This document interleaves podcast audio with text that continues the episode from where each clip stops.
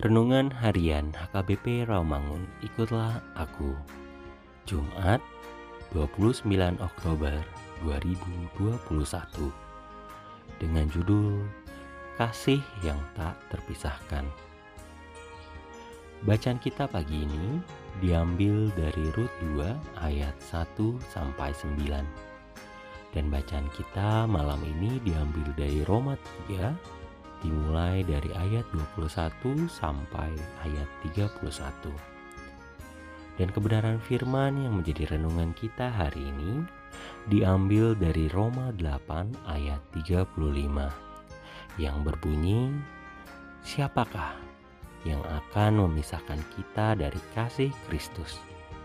Penindasan atau kesesakan atau penganiayaan atau kelaparan atau ketelanjangan, atau bahaya, atau pedang.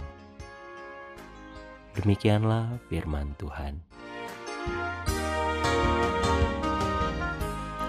Paulus meyakinkan jemaat Roma dulu dan juga kita sekarang ini bahwa keselamatan di dalam Kristus Yesus tidak bersifat spekulatif.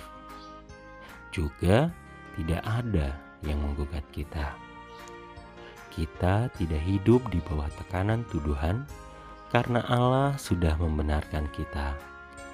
Ini bukan karena kesalehan kita, tapi karena Allah yang membenarkan kita.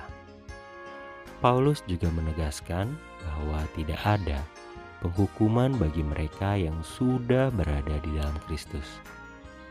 Kepastian ini diperoleh bukan berdasarkan apa yang kita lakukan bagi Allah, melainkan apa yang Kristus lakukan bagi kita. Tidak ada suatu kuasa apa pun yang berpotensi mengganggu kedaulatannya. Bandingkan ayat 38 dan 39. Tegasnya bahwa tidak ada yang memisahkan kita dari kasih Kristus. Selama seseorang percaya kepada Tuhan Yesus, ia tidak terpisahkan dari kasih Kristus. Kuncinya adalah iman percaya.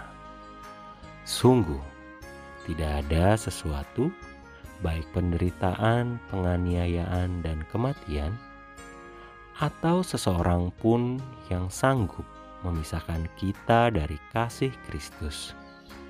Semua itu semakin meneguhkan iman dan pengharapan kita kepada Allah, bahkan menjadikan kita lebih daripada pemenang.